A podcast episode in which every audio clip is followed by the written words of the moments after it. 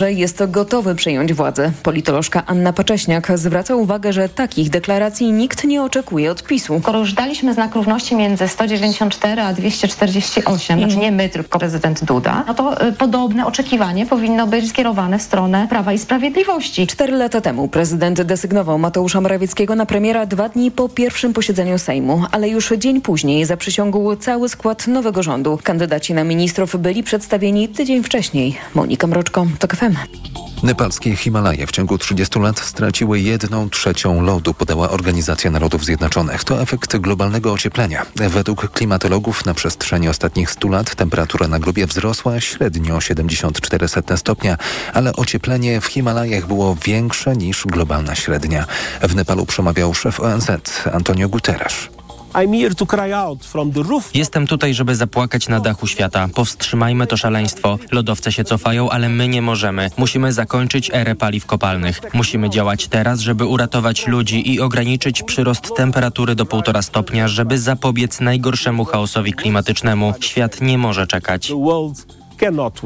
Lodowce położone pomiędzy Indiami i Chinami topiły się w ostatniej dekadzie o 65% szybciej niż w poprzednich 10 latach. Według ONZ takie tempo może doprowadzić do ogromnych powodzi i niedoborów wody, w sumie dla 240 milionów ludzi. Słuchasz informacji TOK FM. Materiały budowlane tanieją pierwszy raz od wielu lat. Prawdopodobnie jednak nie potrwa to długo, więc właśnie teraz może być dobry moment na pozyskanie ich, jeśli ktoś planuje właśnie remont. Wojciech Kowalik. Spadek cen jest zauważalny, mówi Jarosław Jędrzyński z portalu rynekpierwotny.pl. Jest taki spokojny okres, gdzie rzeczywiście można byłoby, jeżeli ktoś planuje remonty, to chyba jest nadszedł ten czas, że powinien trzymać rękę na pulsie, bo jesteśmy gdzieś blisko dołka tej dynamiki. Bo nadchodzące ożywienie na rynku budowlanym sprawia, że powodów do ponownego wzrostu cen robi się coraz więcej. W przyszłym roku, najdalej od wiosny, mogą wrócić e, wzrosty i to dosyć e, znaczne na rynku materiałów budowlanych. Najmocniej, jak wynika z informacji polskich składów budowlanych, tanieją teraz płyty OSB i drewno, drożeją z kolei cement i wapno. Wojciech Kowalik, TOK FM. Trzy dni będzie trwała tegoroczna kwesta na najstarszym cmentarzu w Lublinie przy ulicy Lipowej. Już po raz 37 organizuje ją Społeczny Komitet Odnowy Zabytków Lublina. Dzięki zbiórkom udało się odnowić około 300 nagrobków. Będą lubelscy radni, adwokaci, dziennikarze, a też nowi politycy, jak nowo powołany senator Jacek Trela. W najbliższe dni będą mogli mnie Państwo zobaczyć, nie zapraszam tam, broń Boże, na Lipowej, na cmentarzu, więc e, tylko informuję, bo zaproszenie na Lipową brzmi źle, ale zobaczą mnie Państwo, będę kwestował. Jak mówi Marta Goździowska-Łupkowska ze Społecznego Komitetu Odnowy Zabytków Lublina, z ubiegłorocznej kwesty udało się odnowić trzy groby. Większość pomników na naszym cmentarzu na Lipowej to jest piaskowiec albo wapnia, więc bardzo miękkie materiały, które przez lata, nie mając prawnych właścicieli, po prostu były niekonserwowane, były uszkodzone w wyniku też działań atmosferycznych i naprawdę te trzy wyjątkowej urody pozwoliło to nam te trzy nagrobki po prostu wyremontować. Kwesta w Lublinie potrwa od 1 do 3 listopada. Teraz prognoza pogody. Pogoda. Wtorek przyniesie sporo chmur, opady deszczu, głównie na Pomorzu. Temperatura maksymalna od 12 stopni na zachodzie do 18 w centrum. Radio TOK FM. Pierwsze radio informacyjne. E, Michał Janczula, kłaniam się Państwu jeszcze raz bardzo nisko. Jest prawie 6 minut po godzinie 21. Ja jeszcze tylko jestem Państwu winien zapowiedź tego, co będzie się działo na naszej antenie do godziny 22. Otóż już za moment pamiętniki Olgi Gębik i nie będzie już e, strachu dzień w oknie. Co to jest? Otóż e, jest to pewien cykl. Uchodźcy i uchodźczynie są przedmiotem takiej publicznej debaty, ale choć tyle się o nich mówi, nie biorą w niej podmiotowego udziału. Dlatego magazyn Kontakt, zamiast publikować kolejne analizy stworzone przez osoby, które nigdy nie doświadczyły migracji, ogłosił i przeprowadził nabór do publikacji Pamiętniki Uchodźcze. Tak nazywa się e, właśnie ten projekt. W książce, audiobooku i e-booku zawarte są wspomnienia, opowiadania, wiersze, a nawet baśnie. Pamiętniki to jest 25 historii napisanych w pięciu językach przez e, osoby pochodzące z sześciu różnych e, krajów. Sześć z nich, z tych pamiętników, prezentujemy Państwu na antenie Radia Tok FM zawsze po 21. Dziś już drugi odcinek. Pamiętnik Olgi Gębik i nie będzie już strachu dzień e, w oknie, na który zaprosimy Państwa już za chwilę, a potem o godzinie 21.40 e, książkę Richarda Osmana Kula, która e, chybiła w ramach książki na głos przeczyta Państwu Filip Kosior. Ja już się z Państwem bardzo serdecznie żegnam. Proszę posłuchać, naprawdę warto. Tekst opublikowany w książce Pamiętniki uchodźcze wydanej przez magazyn Kontakt. Olga Gębik i nie będzie już strachu. Dzień w oknie. Tekst oryginalnie napisany w języku ukraińskim. Tłumaczenie Antonina Ciużeńska. Praca wyróżniona przez jury pamiętników uchodźczych. Czyta Aleksandra Popławska. Wojna była zaplanowana na jutro. To był początek naszej uchodźczej podróży. Dzień wcześniej staraliśmy się o tym nie myśleć. Planowaliśmy i klikaliśmy coś błahego na Facebooku. Stawialiśmy lajki i serduszka pod zdjęciami kotów.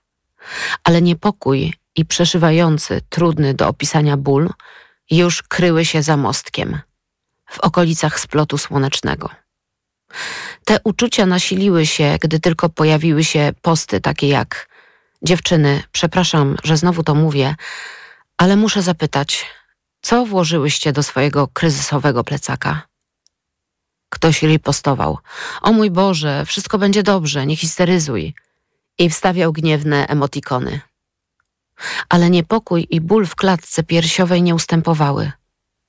Być może również u tych, którzy reagowali tak ostro.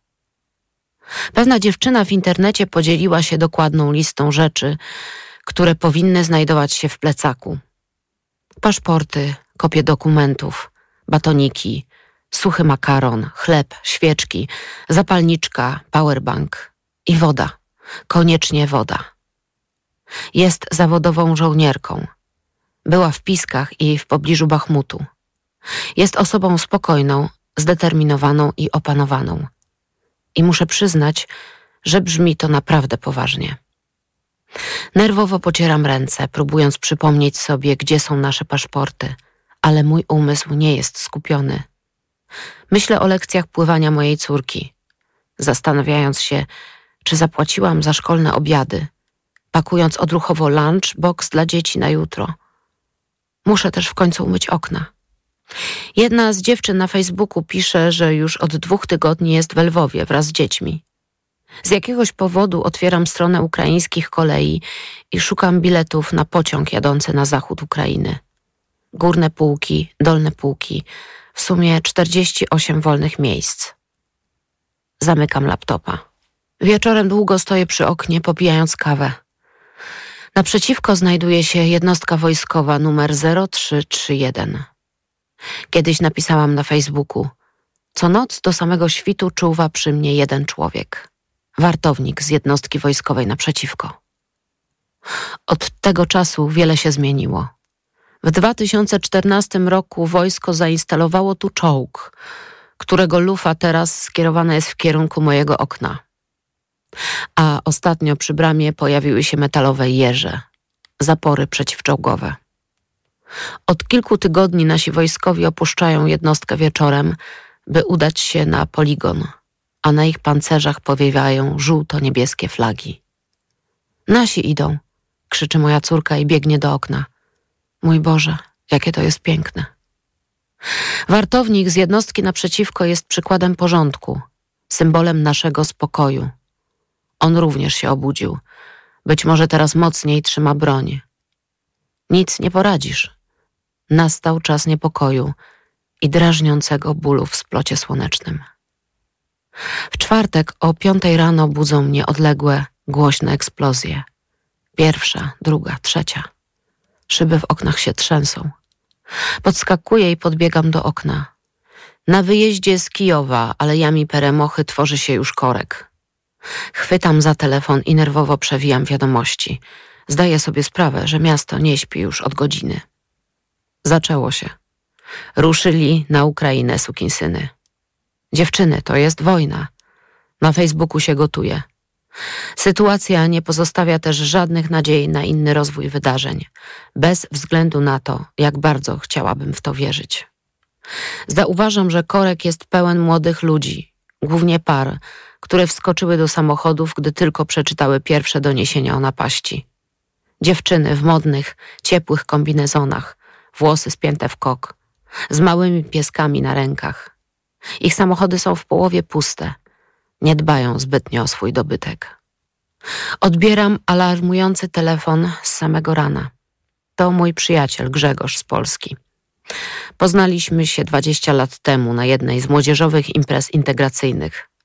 Dużo rozmawialiśmy, kłóciliśmy się, szczególnie na tematy, które dotykały skomplikowanych kart ukraińsko-polskiej historii. Toczyliśmy ostre spory, blokowaliśmy się na komunikatorach, a potem znów szukaliśmy kontaktu. A teraz on pierwszy dzwoni. Chce nam pomóc. Cóż za zaskakująca przekorność losu, prawda?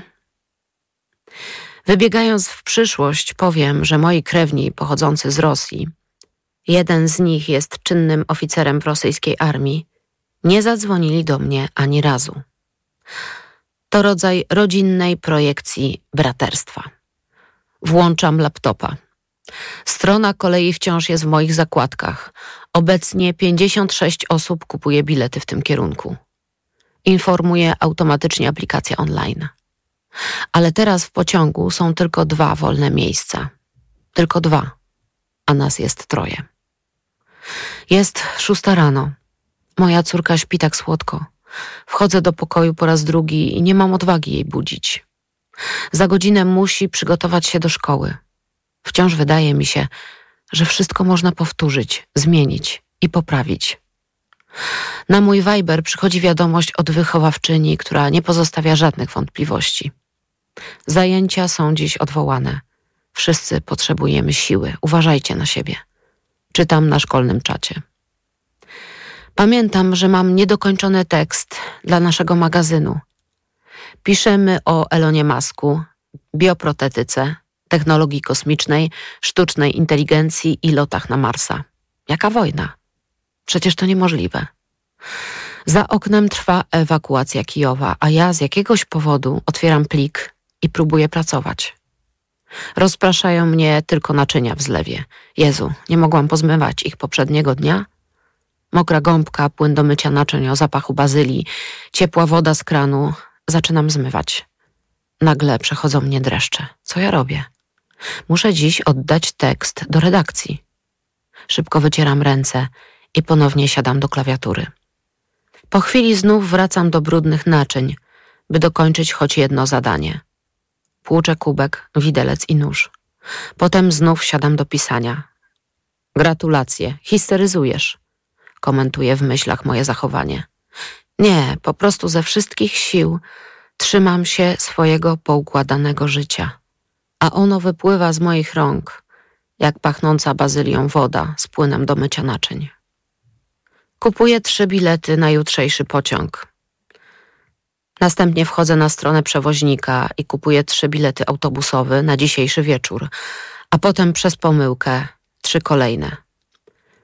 Zaczynam pisać wiadomość do siostry, która mieszka niedaleko Kijowa. Nie bój się, ale piszę i kasuję.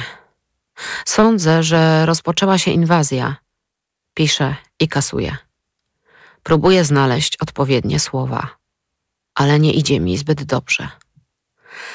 Znajdź sposób, by do nas dotrzeć. Musimy się stąd wydostać. Taka wiadomość wydaje mi się najbardziej odpowiednia. Przeczytaj ją za kilka godzin, ponieważ o tej porze ma wyciszony dźwięk powiadomień. Tymczasem moja córka budzi się w nowej rzeczywistości. Nie jest szczęśliwa, gdy słyszy, że nie idzie dziś do szkoły. Przytula zabawki i kota, płacze. Próbuję się uśmiechać, pocieszyć ją. Staram się. Ponownie podchodzę do okna. W korku stoją zupełnie inni ludzie. rodziny z dorosłymi dziećmi, wnukami, w samochodach niedrogich marek lub wręcz zdezelowanych, wypchanych po brzegi rzeczami. Pewnie rano uznali, że mają jeszcze czas i zaczęli przetrząsać mieszkania, pakować rzeczy, dokumenty, biżuterię, ubrania. Galia, znalazłaś mój sweter? Który? Ten niebieski, najcieplejszy, który zabieramy na dacze. Jest, znalazłam go. Mężczyzna w niebieskim swetrze i luźnej kurtce długo czeka na windę. Przestępując z nogi na nogę, nasłuchuje, na którym piętrze w końcu się zatrzyma. Potem na ulicy długo rozgrzewa samochód, oddechem starając się rozgrzać dłonie. Tuż obok kręci się gala, wlokąc dużą torbę podróżną, plecak, worek i jeszcze dwie paczki. Są w nich skarpety, puszki, banany i kolorowanka dla wnuków. Ma też nosidełko z przestraszonym starym psem, który trzęsie się i skomli przez całą drogę. Mówią, że w sytuacji zagrożenia każdy przyjmuje swoją postawę. Walczy, ucieka, nieruchomieje. Przez cały dzień stoję przy oknie. W milczeniu obserwuję kijów zmierzający na zachód. Czterech mężczyzn pcha w korku czerwonego Nissana z drzwiami szeroko rozpostartymi jak u ptaka.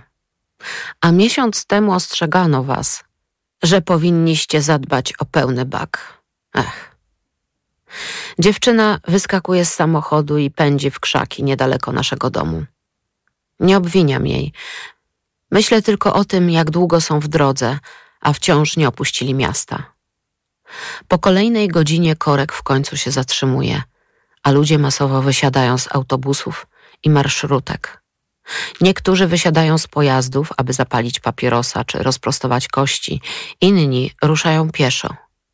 Liczba tych drugich rośnie z każdą chwilą. Autobusy stoją puste i porzucone na torach. W międzyczasie aleja wypełnia się pieszymi. Niektórzy z nich to ci, którym puściły nerwy w transporcie miejskim. Inni idą od metra, dowiedziawszy się, że jedzie tylko do stacji Szulapśka. Ciągną walizki na kółkach, niosą na rękach dzieci i koty bez transporterów.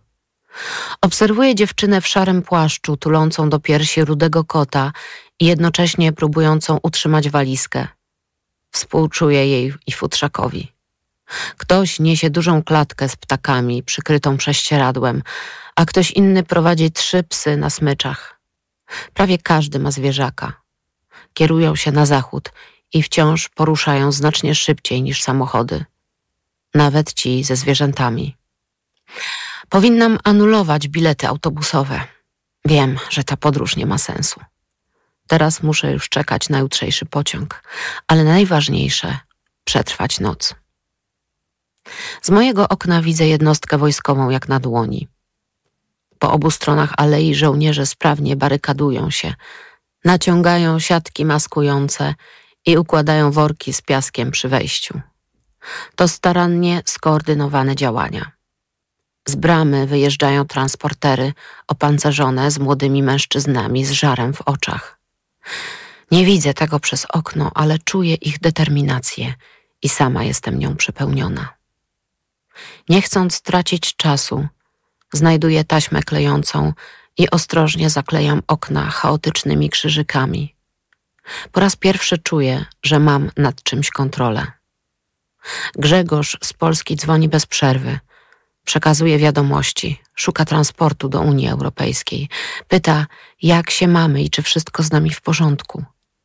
Mówię mu, że wszystko w porządku.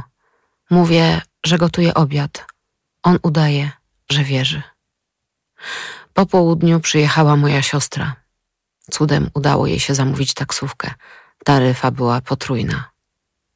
Zastanawiamy się, co robić dalej. Korki, które w godzinę przesuwają się ledwie o długość naszych okien, nie dają żadnych szans na podróż drogą lądową. Jak się okazało, miałyśmy rację. Droga do granicy z Polską zajęła niektórym ponad dzień lub dwa. Była to trudna i wyczerpująca podróż. Nie pamiętam, jak długo stałam przy oknie tego dnia, ilu ludzi widziałam. Myślę, że odprowadziłam ich wszystkich. Około osiemnastej korek się rozładował i napisałam o tym na Facebooku. Wieczorem rozpaczliwą aurę i złe wieści o tych, którzy zginęli jako pierwsi, broniąc Kijowa, zastąpiła nadzieja, że wszystko będzie dobrze.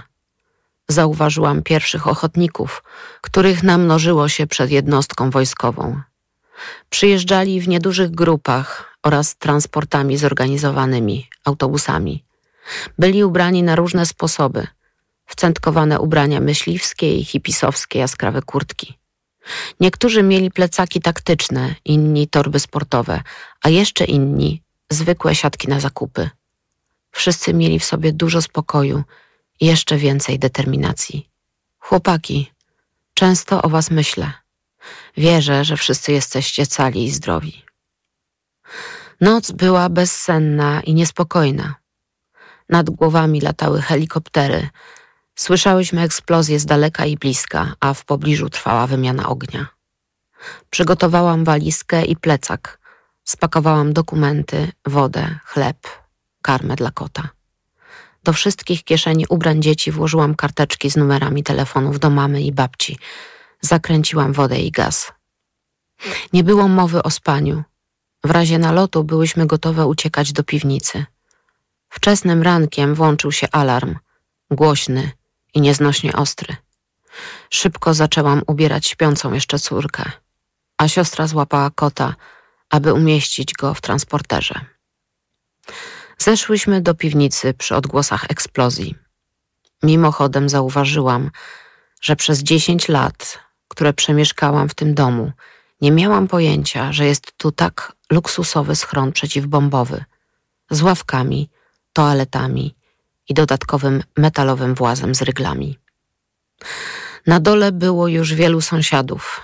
Wszyscy milczeli, z niepokojem w oczach. Mężczyźni od czasu do czasu wychodzili zapalić, zbadać sytuację, złapać Wi-Fi i poczytać wiadomości. Fragmenty informacji, które do nas docierały, były przerażające, ale nie sposób było ich nie słuchać. Usiadłyśmy przy starej radzieckiej konsoli, która służyła jako blat stołu.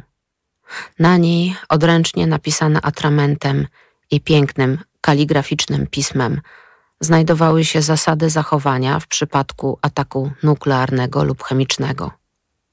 Pozdrowienie z lat siedemdziesiątych. Obok nas usiadła ciężarna sąsiadka z pierwszego budynku.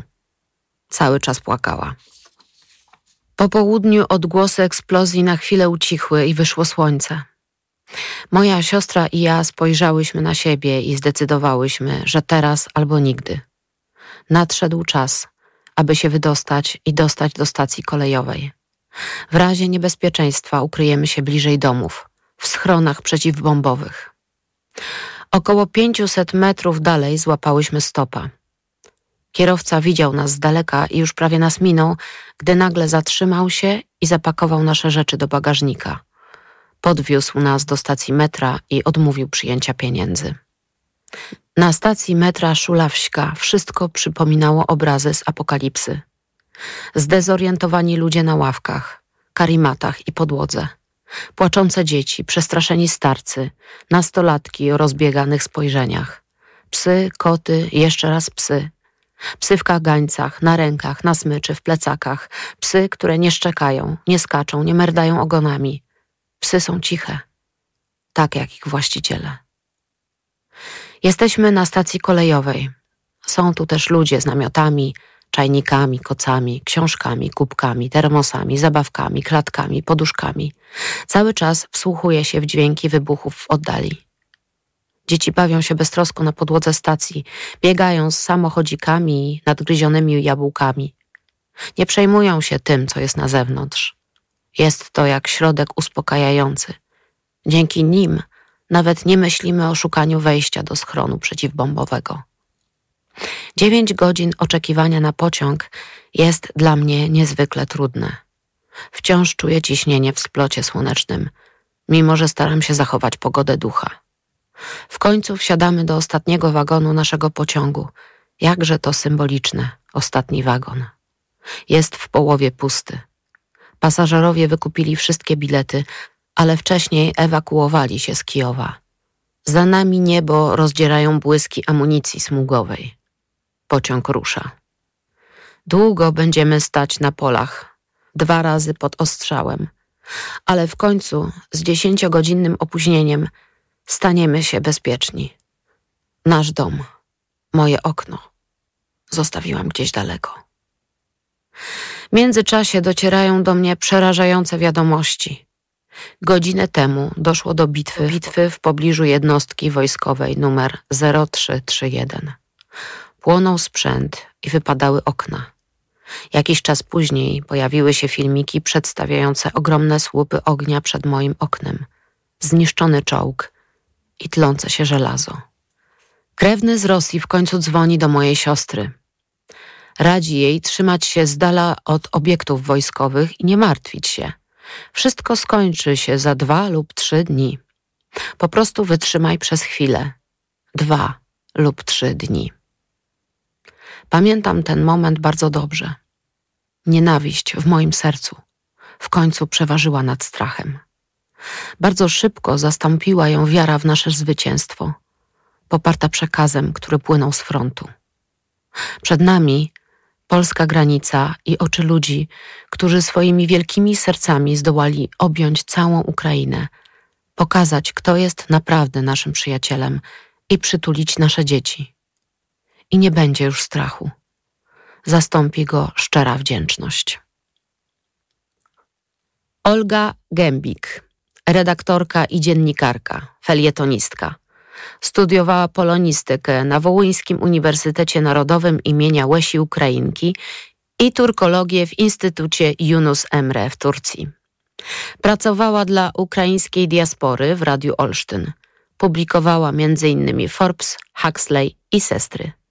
W 2016 roku wydała swoją pierwszą książkę o ironicznym tytule Dla kobiet z Nizzy. Radio TOK FM. Pierwsze radio informacyjne. Reklama. Ale chwileczkę, bo w Biedronce są biedronkowe oszczędności. Podążaj za nimi jesienią. Tylko w ten wtorek. Piwotyskie gronie puszka 500 ml, 2,49 za puszkę przy zakupie sześciopaku z kartą Moja Biedronka. Limit dzienny 24 puszki na kartę. Oto powody, by iść do Biedronki. Reklama.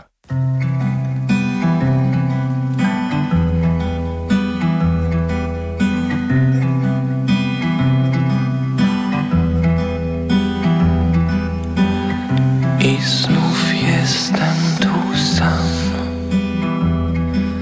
Wiem, to miasto jest złe. Powiedz, że to ty, bym mógł wreszcie zasnąć, nie budzić się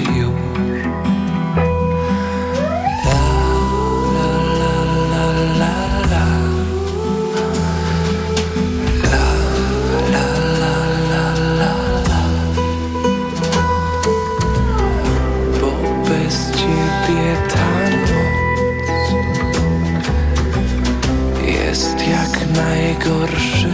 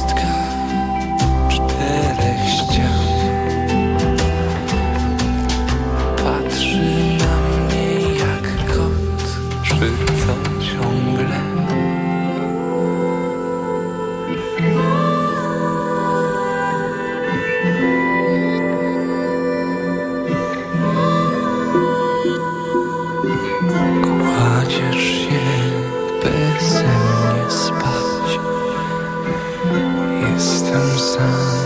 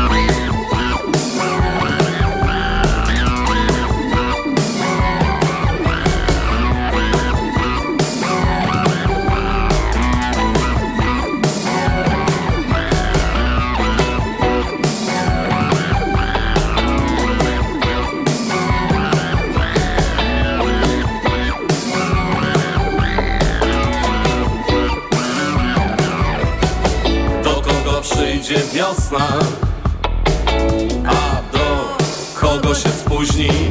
Kto wiosny nie doczeka I w raju będzie bluźnił Kto dojrze kwiaty białe A kto utonie w kwitach?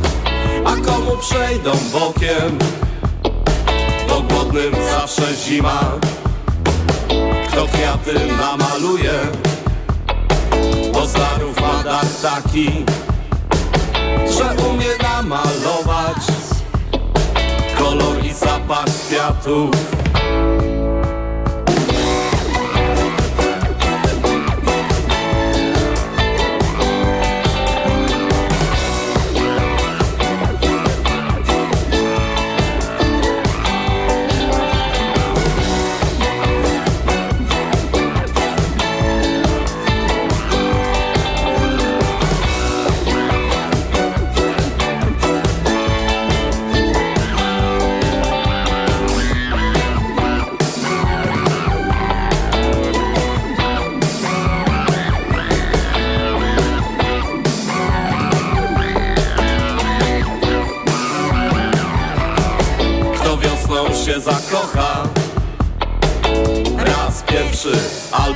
Kto będzie porzucony? A kto tylko obłudny? Dla kogo księżyc kwietnia? Srebrny jak starty kapsel. Zaświeci jak melodia Którą w tle słychać zawsze. Kto się zbudzi na kacu? W kwietniowy blady ranek Spojrzy w twarz ledwo znaną? Na próbę powie kochanie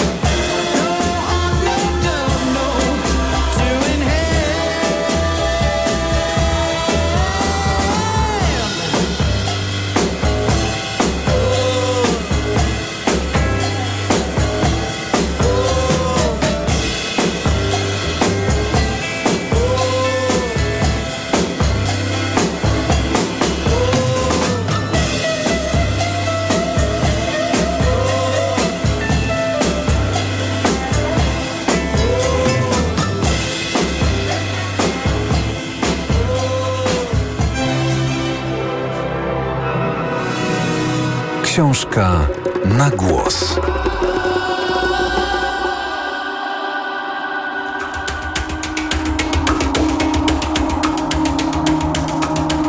Richard Osman.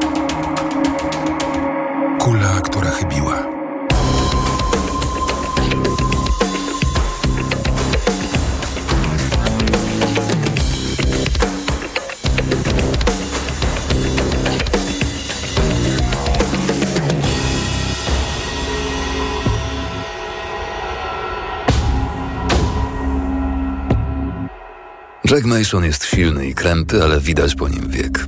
Przypomina ostatnią samotną kamienicę uparcie stojącą pośród gruzów wyburzonej ulicy. Aaron zna to uczucie.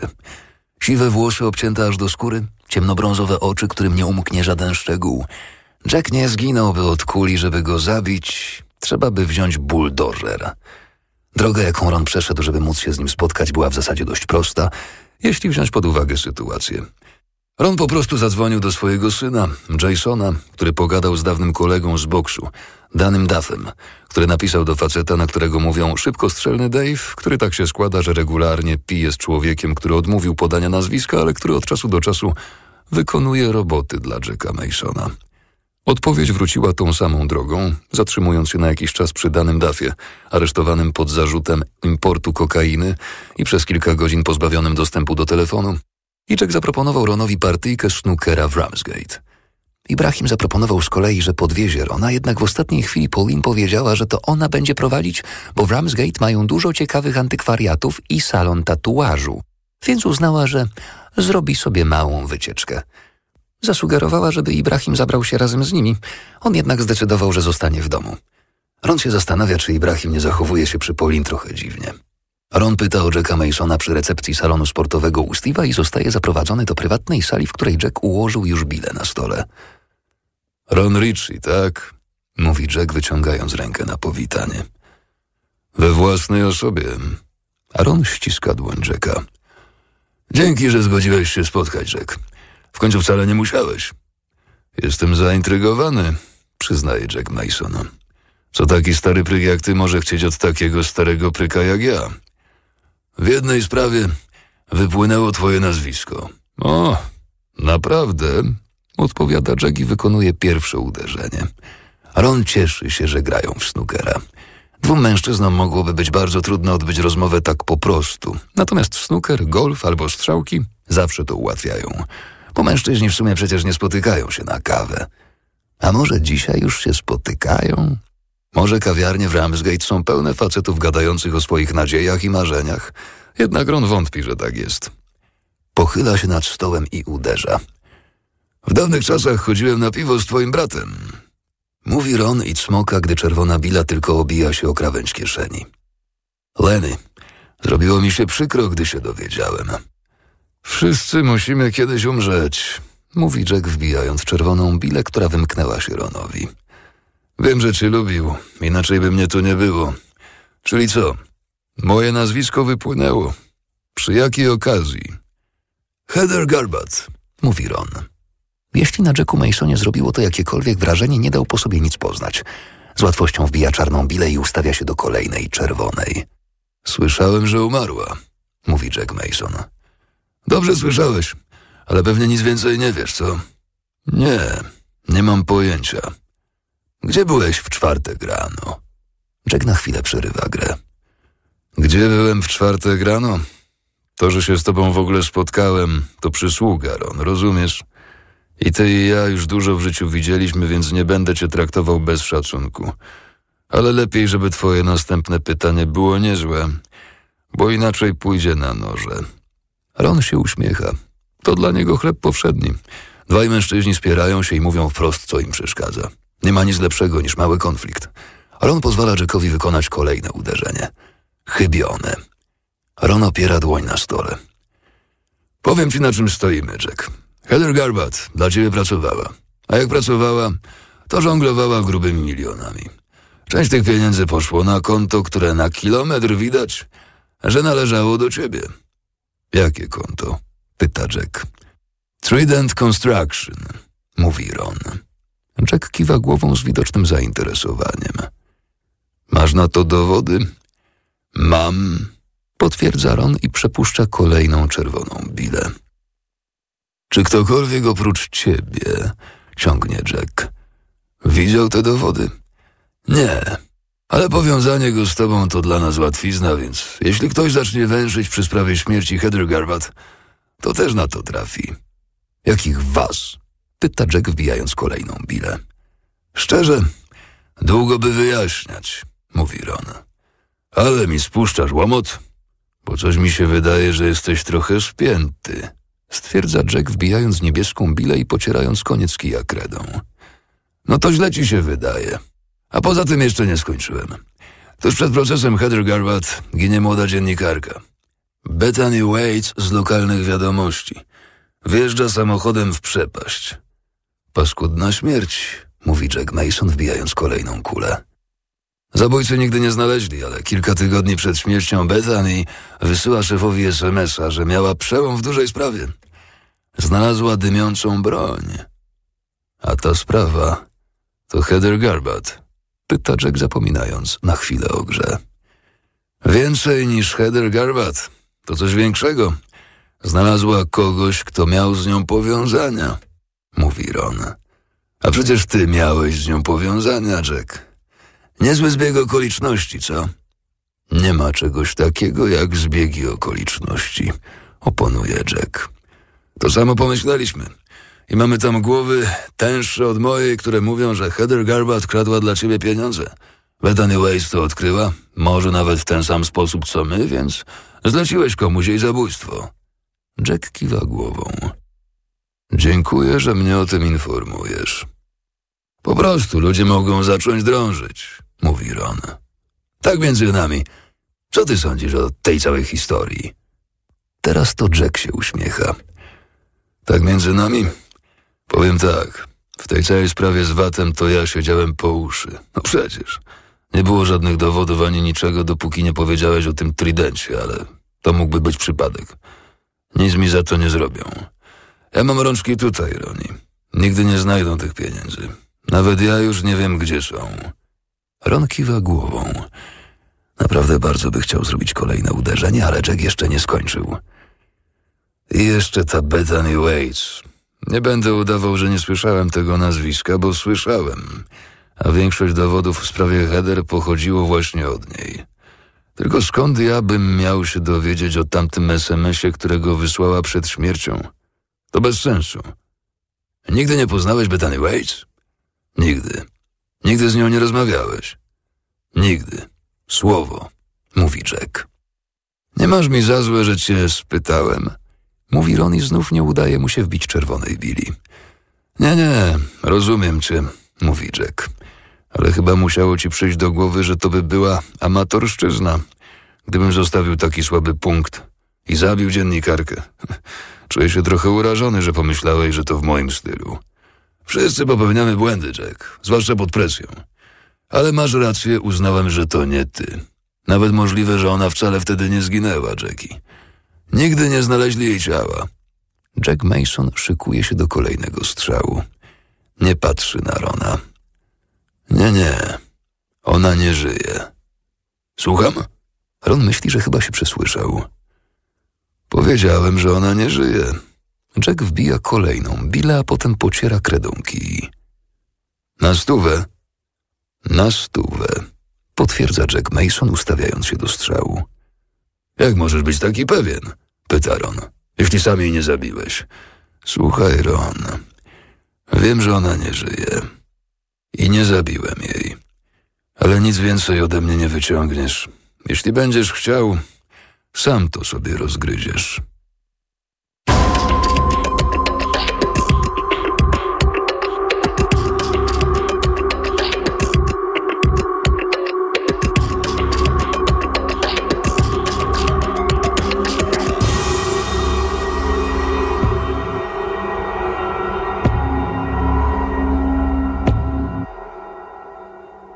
Skąd Jack Mason jest taki pewien, że Bethany Waits nie żyje, o ile sam jej nie zabił, a przynajmniej o ile nie wie, kto ją zabił? Ron pochyla się nad stołem i wbija swoją pierwszą bilę w tej partii. Kiwa głową od niechcenia, jakby wcale nie miał wątpliwości. Dwaj faceci grają sobie w snookera. Nie ma nic lepszego. Jednak ostatnio ubywa osób, z którymi można zagrać. Kiedyś była ich cała banda. W Londynie, w Kent. Gdziekolwiek człowiek pojechał, zawsze było z kim zagrać. Za to teraz śmierć, kary więzienia i życie na wygnaniu na Costa del Sol sprawiły, że wszyscy poznikali. Ron mógł liczyć już tylko na to, że Jason się czasem zlituje i zagra ze swoim ojcem. Ron wbija kolejną bilę. No, od razu lepiej. Czyli wiesz, kto ją zabił? Pyta Ron. Jack się uśmiecha. Chyba już wystarczy tego gadania, ale zawsze chętnie z tobą zagram, Ron. Jeśli będziesz miał chwilę. Ron znów podnosi wzrok na Jacka i widzi drugiego staruszka, któremu poumierali przyjaciele. Ja też, Jack. Ron miałby niezłego pecha, gdyby jego potencjalny nowy partner do snookera okazał się mordercą.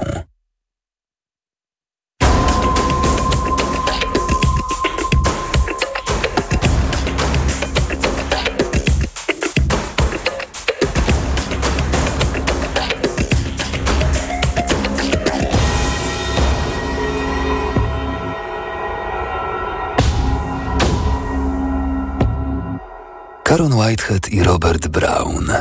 TDR. Googlowałam ich, ale nie znalazłam zbyt wiele. W desperacji użyłam nawet wyszukiwarki Bing, ale wyskoczyło mi to samo, tylko wolniej. Ibrahim mówi, że szukanie w internecie nic nie da. Jego zdaniem te nazwiska to jakiś szyfr. No ale Ibrahim myśli, że wszystko jest jakimś szyfrem. Znam teraz adres mailowy Mike'a Wagorna, ale staram się go nie nadużywać. Wysłałam mu filmik, który moim zdaniem był bardzo zabawny. Z wiewiórką po raz pierwszy jedzącą migdały, ale odpisał mi, że to jego służbowy e-mail i nie powinno się wysyłać na niego filmów z internetu. A poza tym już to widział. Nie miałam odwagi mu wtedy odpowiedzieć, więc ucieszyłam się, kiedy pojawiła się okazja, żeby przesłać mu tamte nazwiska. Whitehead i Brown. Mówi mu to coś? Podziękował, ale napisał, że nigdy ich nie słyszał. Czyli może rzeczywiście to szyfr. Przekazał je też Pauline.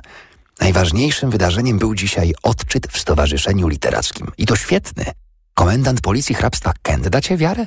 Ściągnęłam sobie jego książkę na Kindla. Po 99 pensów. Dziękuję bardzo. Ibrahim jedzie w środę do więzienia Darwell, żeby porozmawiać z Connie Johnson. Spytał, jakie pismo mogłaby chcieć do poczytania, ale nie byłam pewna. Ja lubię panią domu, ale nie wydawało mi się, żeby to się spodobało Connie, więc spytałam Joannę. Powiedziała mi, że Connie jest dealerką po trzydziestce i że nosi piękne buty, więc Joanna zaproponowała, żeby jej kupić grację. Aaron zdał relację ze spotkania z Jackiem Masonem. Jack Mason mówi, że wie na 100%, że Bethany nie żyje. A przecież może być pewien tylko wtedy, jeśli wie, kim jest zabójca. Elizabeth kazała Ronowi pojechać do niego jeszcze raz i dowiedzieć się więcej, ale już teraz wszyscy się nad tym zastanawiamy. Zastanawiam się też, jak moglibyśmy porozmawiać z Fioną Clemens. Wiem, że ona zupełnie nie pasuje do Jacka Masona, ale jeśli to ona pisała wtedy anonimy do Bethany, to wciąż jest podejrzana, a wszystkich podejrzanych powinno się przesłuchać. Tylko jak? Wysłałam jej wiadomość na Instagramie, ale nie jestem pewna, czy ją dostała. Nawet gdy to piszę, wiem, co powie Elizabeth, że chciałam się zająć sprawą Bethany Waits tylko po to, żeby poznać Mike'a Wagorna. A teraz oskarżam Fionę Clemens w tym samym celu. Owszem, to prawda, jednak to, że chcę poznać Fionę Clemens wcale nie wyklucza, że jest morderczynią. Wielu znanych ludzi to mordercy. Na przykład tacy bracia Cray. Parę lat temu był o nich film z Tomem Hardym w podwójnej roli. Joanna przyjeżdża w niedzielę na obiad, więc spytam ją, co trzeba zrobić, żeby sobie załatwić spotkanie z Fioną Clemens. Wiem, że można się zgłosić i dostać miejsce na widowni w studiu, gdy kręcą Zatrzymaj zegar, ale podejrzewam, że wtedy nie wolno wykrzykiwać pytań o morderstwa. Umówiłam się na jutro z Polin i bardzo się cieszę na to spotkanie. Zaproponowała popołudniową herbatę w hotelu przy Molo. Sprawdziłam, co to za miejsce. Dają tam gościom kieliszek Prosecco. Będę się czuła jak Jackie Collins.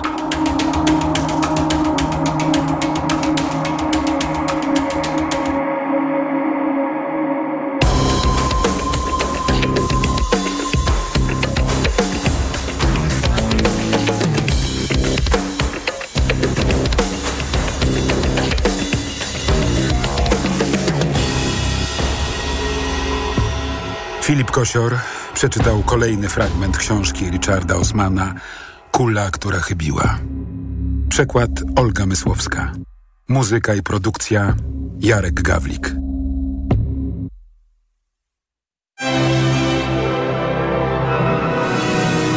Książka na głos.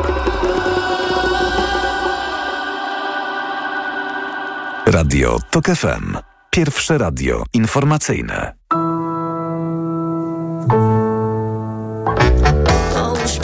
Pistolet na stół i uprzedzenia wyrzuć w kąt. Na całym świecie są faszyści, którzy nienawidzą innych rąk. Nie, nie, nie, nie wszystkich możesz zabić. To niemożliwe, uwierz mi. Nie, nie, nie, za dużo możesz stracić, bo takie krótkie są nasze dni.